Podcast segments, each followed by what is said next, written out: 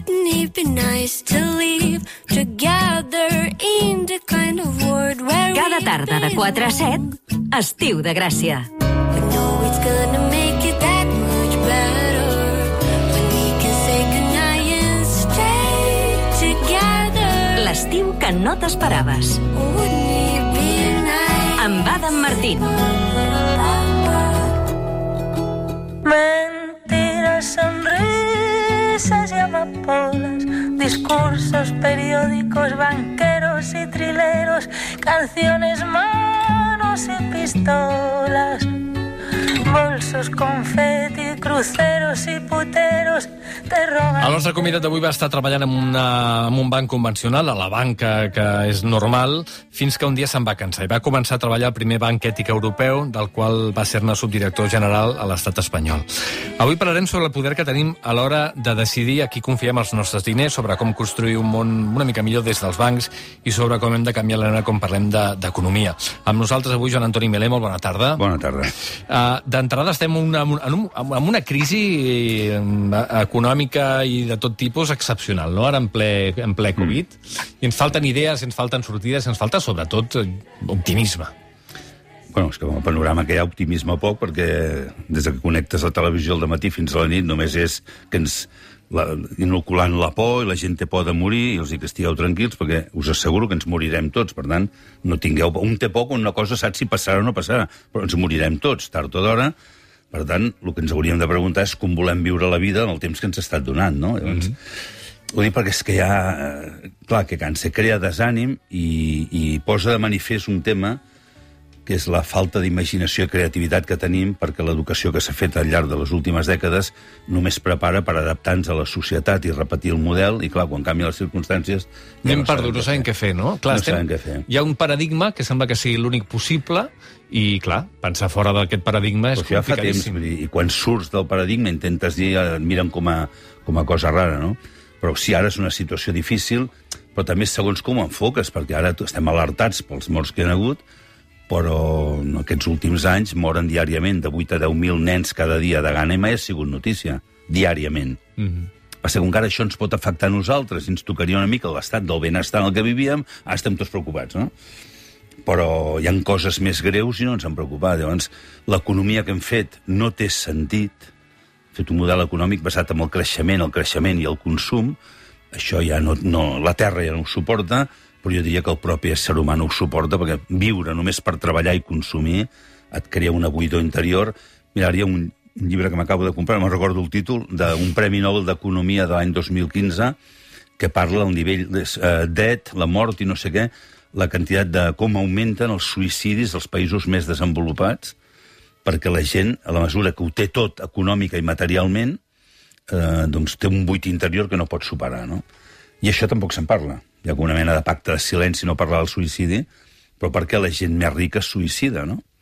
Països com... Llavors, jo crec que això ens portarà, potser, eh? O sigui, hauríem d'aprofitar, no sé si ens hi portarà, sol no, però hauríem d'aprofitar per replantejar-nos no només el model econòmic, sinó el model econòmic, social i el sentit de la vida, el que deia abans. Com vols viure la vida en el temps que t'hagi estat donat. Mm -hmm. Més enllà de, de, de treballar i guanyar diners, que és, és una necessitat, però no és el sentit de la vida. Només és una necessitat guanyar diners. Llavors, en aquests moments hi ha molt sofriment. Jo viatjo molt per Llatinoamèrica. O sigui, quan aquí ens queixem, allí el, el, el, es canviarien per nosaltres, en seguida, no? hi ha gent que no té per menjar, i, o sigui, és, és la situació, ja estava malament, s'ha greujat. Crec que ara, per ajudar a sortir d'això, hem de a començar a pensar en una mica de... Ja que utilitza la paraula fraternitat, solidaritat, no sé la paraula que vulgueu, és dir, comencem a pensar una mica en nosaltres, què podem fer, i especialment, ja que ho deies a la presentació, els bancs en aquests moments sempre han tingut la responsabilitat, però en aquests moments els bancs s'han d'adreçar a les empreses en dificultats, parlar i dir que necessiteu com refinanciem el, els deutes que tenim, això que tenies a 3 anys t'ho poso a 7, et baixo el tipus d'interès, no sé, perquè si això no ho fem i seguim pensant en el creixement i els beneficis, el desastre que ve ja no ho podrem parar, no? S- Sembla molt eh, difícil de, de creure que els bancs no estiguin en condicions ni tinguin ganes de fer això que estaves dient ara mateix, tenint en compte que venen de ser rescatats amb molts, molts i molts milions d'euros en un moment en què ells tenien problemes. No? Ja, però tampoc és tan estrany, perquè tot el que ha passat, o sigui, han desaparegut totes les caixes d'estalvis, bueno, quasi, queda una petiteta, un tinyent i una pollença, però a més han desaparegut cabrades, les hem hagut de pagar amb diner públic, un cop rescatades vam regalar el que quedava als bancs que queden, és a dir, els hi hem donat tot el poder del món. Tot el que han fet els dirigents d'aquestes entitats, de malversació de fons, de mala gestió, ha quedat impune. I, bueno, tens el Rodrigo Rato, en van agafar un per... Doncs també s'han quedat impunes. No només impunes, alguns van marxar amb indemnitzacions milionàries. Doncs han tornat a repetir un model especulatiu. Uh -huh. o sigui, el problema de l'economia mundial és que més del 99% del diner que cada dia circula en el món és especulació. És a dir, és fum. És A darrere no hi ha res. Llavors, com, com voleu que se'n surti la gent? Però el problema no és dels banquers i dels bancs. O sigui, jo que porto ja 44 anys al sector, dic, a mi mai ningú m'ha preguntat si jo, si jo et porto els diners al teu banc, vosaltres què fareu amb ells? O sigui, si seguim anant als bancs i que sembla que ells siguin els amos dels diners, els bancs no tenen diners. Els bancs gestionen els nostres diners. Per tant, nosaltres hem de posar les pautes. Quin tipus d'empreses estàs financiant? Són empreses ètiques, responsables o no ho són? Hi ha d'haver una transparència radical que no hi és. I la gent segueix anant al banc doncs, perquè té costat de casa, perquè coneix no sé què, perquè li regalen... O sigui, la cosa més vergonyosa que els bancs i caixes regalant roqueries durant anys i la gent portava els diners perquè regalaven... Doncs han creat un model que els bancs tenen el poder mundial. Llavors, però el poder és nostre. O sigui, l'ha- l'hem donat nosaltres. Ara canviem, anava a dir. T'he llegit en algun lloc que deies... Uh, sempre pensem que el nostre poder com a ciutadans uh, es manifesta, entre d'altres uh, llocs, per, a través del vot, no? cada X temps, en principi cada 4 anys, podem votar, podem canviar les coses que passen a través d'aquest gest de posar una, un paper um, a dins d'una urna, uh, però tu dius que, que realment on posem els diners, com consumeixo, com inverteixo, aquí hi ha el poder real. Per mi que aquesta és la veritable ciutadans. democràcia, el poder real. Perquè l'altre, bueno, jo que vaig viure a l'època franquista, que no ens deixaven votar, quan ens van deixar votar feia molta il·lusió, no? Ara me'n dono compte que abans d'obeir em deixen votar. Però em torno a trobar avui en la mateixa situació quan era jove. En l'època de Franco no podien haver reunions de més de no sé quantes persones. Avui és el virus, però és igual. O sigui, cada dia ens van retallant les llibertats, no? Però quan utilitzem el diner, decidim si aquesta camisa la compro amb una marca, que no vull dir noms, uh -huh. eh, d'aquestes que exploten a dones en llocs del tercer món, hi ha marques d'aquí d'Espanya que subcontracten empreses, que subcontracten empreses a Bangladesh on mor milers de persones treballant en condicions inhumanes. Com podem seguir comprant aquestes marques? O aliments que estan fets deteriorant el medi ambient amb pesticides que ens deixen... Clar que no tenim defenses, que ve un virus i... i però no en cal un virus i et pica un mosquití tant d'ingressar, perquè, mm -hmm. perquè mengem merda, perdoneu l'expressió. És dir, Però ens és igual, perquè mirem el preu de les coses. No mirem qui ho ha fet, a on, amb quines condicions. Respecte al medi ambient o no el respecte? Llavors jo tinc el dret de dir, amb els meus diners no ho permetré. M'és igual el que facin altres, jo no ho permetré. I més amb la banca. O sigui, la banca, dic, hi ha un poder mundial i, a més, no revelo cap secret professional si dic que molts partits polítics han estat financiats per bancs a través de crèdits que no es tornen mai. I et parlo de molts milions, eh? Molts. Mm -hmm. Jo me'n recordo que va sortir un diari, un partit polític espanyol, que entre quatre bancs li van perdonar un dia 35 milions d'euros, no de crèdit, d'interessos de deutes acumulats. O sigui, tu creus que aquest partit, quan governi, li pot dir alguna cosa al banquer? Tu creus que si un dia un banc, que no vull anomenar perquè és de color vermell, eh, eh, fa una estafa o no sé què, passen els anys i prescriu el delicte? I no passa res. Llavors, qui mana, realment? Però clar, això ho veiem, jo pregunto, què més ens han de fer perquè diguem prou? Aquesta és la meva pregunta. Mm. Perquè jo, quan vaig començar amb la banca ètica espanyola, sincerament vaig pensar, vam tenir molt èxit, però vaig pensar que després de 10 anys tindríem milions de clients. No, no, perquè la gent... O sigui, no, que em recolzen, bueno, i m'abracen, i em feliciten, escolta, em recolzen, però són clients d'una altra Són banca. clients d'una altra entitat, sí. eh? Jo els dic, recolza l'altre, fes-te client de mi, no?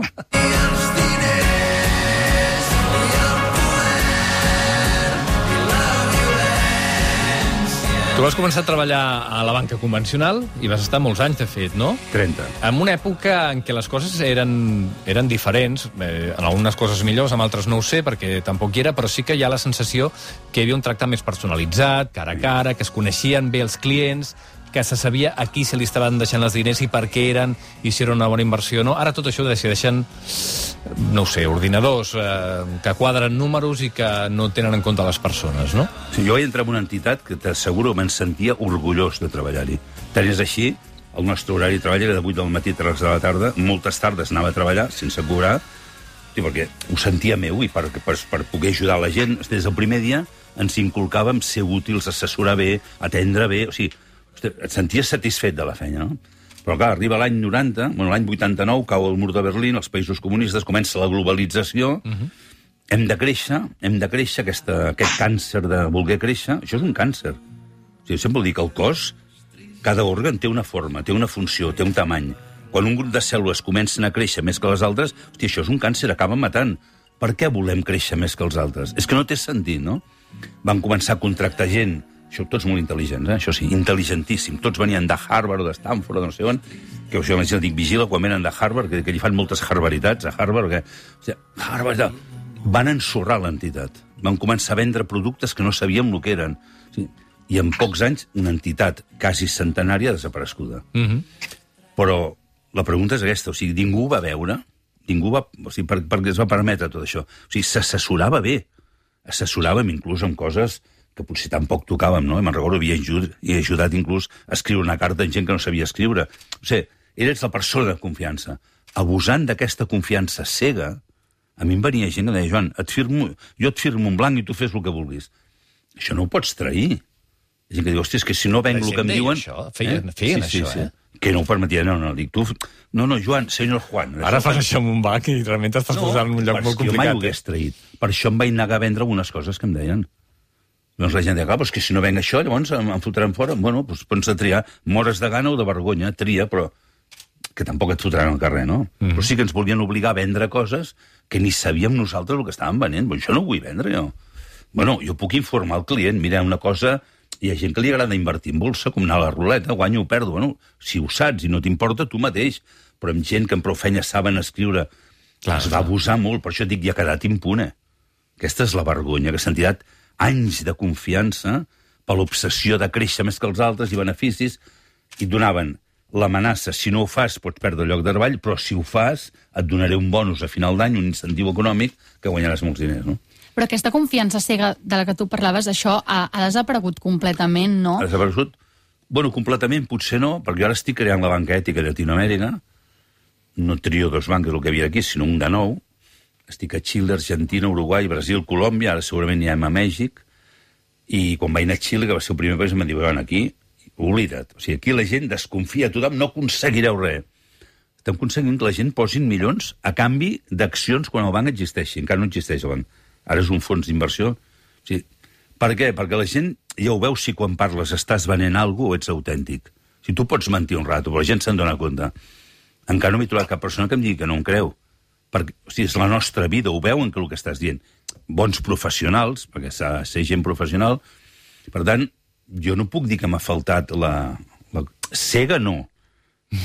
Cega no Clar, ha de això ser que tu mai. deies de mm, Però- firmaré el que, el que tu m'escriguis Sí. i ara és com que donem per suposat que els bancs ens enganyen i els bancs ens menteixen i tampoc estem fent res per canviar-ho. No, per això deia, però per què la gent per què no canvia de banc? Dic, si no sou capaços de canviar de banc, com voleu canviar el món? És que, és que no ho entenc. Perquè la percepció és que, és que tots els bancs són iguals, no? No, tots no. Jo he de dir que vaig fer el canvi, eh? Hi ha una auditoria que s'explica fins, al, fins a l'últim cèntim tot el que s'està fent, bueno, un, però com a mínim que la gent ho investigui, no? Po- Posa't els cascos un segon, sisplau, que Sí. tenim el Long que està dient... Eh, no ens diguis on- d'on venies i on anaves, eh, tampoc, Long, però vas fer un No, no, canvi, però, tu? però vaig, vaig fer un canvi i va, bueno, vaig anar a la, a la, a la tria 2, que és la- l'ètica. O sigui que jo estic a l'ètica. Estic content d'això. Molt bé, molt bé, molt bé. Um, amb què es diferencia una banca ètica d'una banca convencional? Mira, primer... ah, de- No t'ho pregunto tu, eh, Long? ja, però... Perdó. Si vols explicar-ho, però tenim aquí una persona que s'hi dedica, que, que, que ho explicarà molt que millor. potser Jo una anava a mica dir- millor, sí. Però bueno, per resumir-ho molt, no? primer, s'ha de definir molt bé quins són els criteris d'inversió i de no inversió. És a dir, mira, invertirem, en el cas nostre, invertíem en tres grans àrees, que són cultura, Aquí sí que estem parlant de Triodos, que va ser Sí. l'empresa, el banc on vas treballar durant molt temps, eh? Sí. Com a, com a dire- subdirector general. Sí. Llavors, totes les empreses o projectes que aportin... Nosaltres parlem de crear valor, que aportin valor, ja sigui la cultura, dins de cultura tindríem educació, art, cine, teatre, tot. Eh, el desenvolupament social, tot el que té a veure amb salut, eh, atenció a la infància, a la tercera edat, bueno, i eh, medi ambient. Uh -huh. Tres sectors que es divideixen en 150 subsectors, hi ha molta cosa, no? Per tant, el primer és dir, volem invertir en això i no invertirem, doncs per dir un exemple, en energia nuclear. I s'explica. Uh -huh. No invertirem en agricultura que no sigui responsable. No invertirem, etc. No? Segon punt, la transparència radical. O sigui, ens comprometem a explicar fins l'últim cèntim i a fer una auditoria a final d'any tot el que hem financiat. No hi ha res a amagar. Ens podem equivocar. Ens poden enganyar. Vale. Però nosaltres ja, mira, hem fet això. No? Tercer, les diferències de salaris que es publiquen. Uh, ara no ho sé perquè estic una mica desconnectat, però més o menys. El que guanya el president, el CEO, a Holanda, amb la diferència amb l'últim empleat que acaba d'entrar, 10 vegades salari brut, Com a màxim. com a màxim. Amb un banc pot arribar a 1.000. Mi, en un banc, una, Sí. un directiu Mira, hi ha un banc, aquest banc que, més. que no vull anomenar, que t'he dit abans, de Sí, color vermell, sí. va publicar, en un diari aquí a Espanya, o diversos diaris, va sortir eh, la diferència entre el màxim i el mínim 865. És a dir, que si un guanya 1.000 al mes, n'hi ha que estan guanyant 800.000 al mes. Sí, sí, sí, sí. Deixo a part altres extras de cotxes i targetes, blacks i grogues i aquestes coses. No? I, I no em preocupa tant el que guanyi un directiu, sinó els empleats poden viure dignament amb el seu sou. Perquè havia vist cobrar amb directius de bonus a final d'any eh, guanyar com tot el seu equip junts de salari. I això ni és normal, ni té sentit, ni s'ha de permetre. O sigui, si la, això m'ho puc treure? Sí, sí, sí. Si l'única motivació és els diners, això és el principi de la decadència. Val, estàvem repassant, que ara hem fugit una mica d'estudi, però tornant al tema, per tant, una altra característica és que ja els sous tenen un sentit. Sí, no es posa, això no està en els estatuts, però s'accepta així. Hi ha una autolimitació i no hi ha bonus. No allò, si vens més, et, pag- no, et pagaré el mateix. O sigui, no hi ha un incentiu per ven, ven, perquè llavors la gent acaba venent, bueno, ara hi ha entitats aquí a Espanya, m'ho deia un l'altre dia, una entitat molt coneguda aquí a Catalunya, que diu ara hem viscut molt de veure vendre cotxes dels Mini Cooper. Uh, o sigui, venen i de el crèdit de vendre't el cotxe i tal, i, i com més en venguis, més comissió, i t'acaben venent coses que tu no necessites. O vendre seguros de vida, Això en un banc, eh? això en un banc. Vendre minis en un banc. Sí, sí, sí. Això sí que ens ho trobem ara, que el banc s'ha convertit una mica en, en, en, un, en un calaix de sastre on t'ho venen absolutament tot, De des d'olles per la cuina fins a cotxes, no? O assegurances de no sé què, una senyora gran que li volien vendre una assegurança de- d'enterrament, diu, perquè ja em veieu mort o què?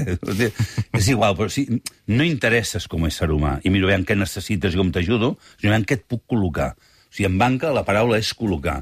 En banca ètica, quan contractàvem gent que els hi feia uns cursos de desprogramació mental, la paraula col·locar està prohibida. O sigui, no els hi permetia. Aquí no es col·loca res. És més, jo era el responsable de tota l'àrea comercial, no els hi posava objectius al final em deien, home, però digue'm més o menys què he de fer. Dic, bueno, doncs per cobrir els costos aniria bé que arribessis en aquestes xifres però per cobrir costos, però si fas més, fantàstic, i si no arribes no et preocupis, ja mirarem. Sí. Perquè si tu confies en les persones, la millor motivació és que confien en tu, per tant, ara quan et diu en cas de vendre l'amenaça, i si has vengut a les 12 del migdia, t'estan trucant, quan has vengut avui? Només has vengut això. Llavors, eh, el primer que passa en que ell li col·loquen la targeta que- de crèdit, el que li conge- el que no necessita, no? O sigui, han, han fet de generar una cosa que estava molt bé, perquè tu, la pregunta venia del que em deies abans, les caixes realment eren entitats, no perquè feien obra social. Obra social, obra social també servia per tapar moltes coses. També feia obra social Pablo Escobar a Colòmbia.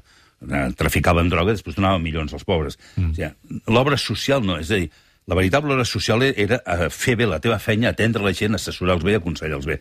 Això és el que es va perdre, per desgràcia. Long, uh, tens un test preparat per al Joan Antoni? Tinc un test, sí, un disordat, que bàsicament són dues opcions que et faré escollir i n'hauràs de triar, t'hauràs de decantar per una o per altra. Val. Estàs preparat? No ho sé.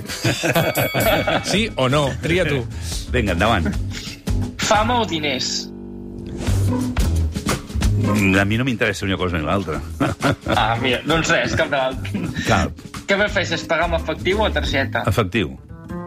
Sí, perquè si la targeta es queda en comissió. No, no per això, perquè no tinc res que amagar, però no m'agrada eh, eh, que es controli tot el que estem fent i que t'arribi publicitat l'endemà en funció del que has comprat.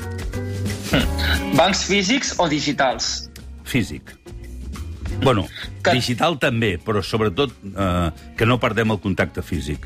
Que que tinguis una persona que dir-li a demanar les coses. eh, Pot estar a distància, però és una persona, una màquina que et contesta. Que toqui la loteria o tenir garantida una jubilació decent. Cap de les dues, perquè jo podia tenir una jubilació i va renunciar-hi, llavors, i la loteria no hi jugo, o sigui que és complicat.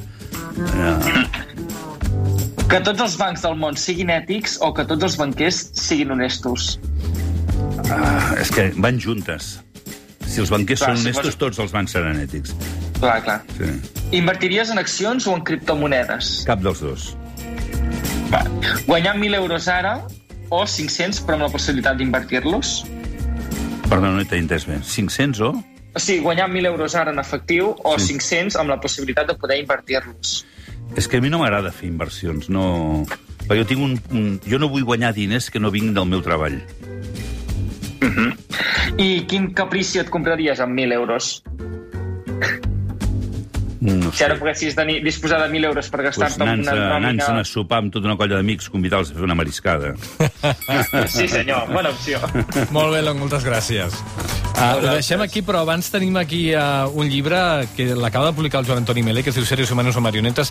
Forma part d'una trilogia, que Una és el trilogia. primer volum. I què expliques en aquest llibre? Bueno, és tot un... Això són uns cursos que jo vinc fent des de fa molts anys, de tot un tema d'autoconeixement i transformació personal, sobre el que dèiem abans, del sentit de la vida, uh -huh.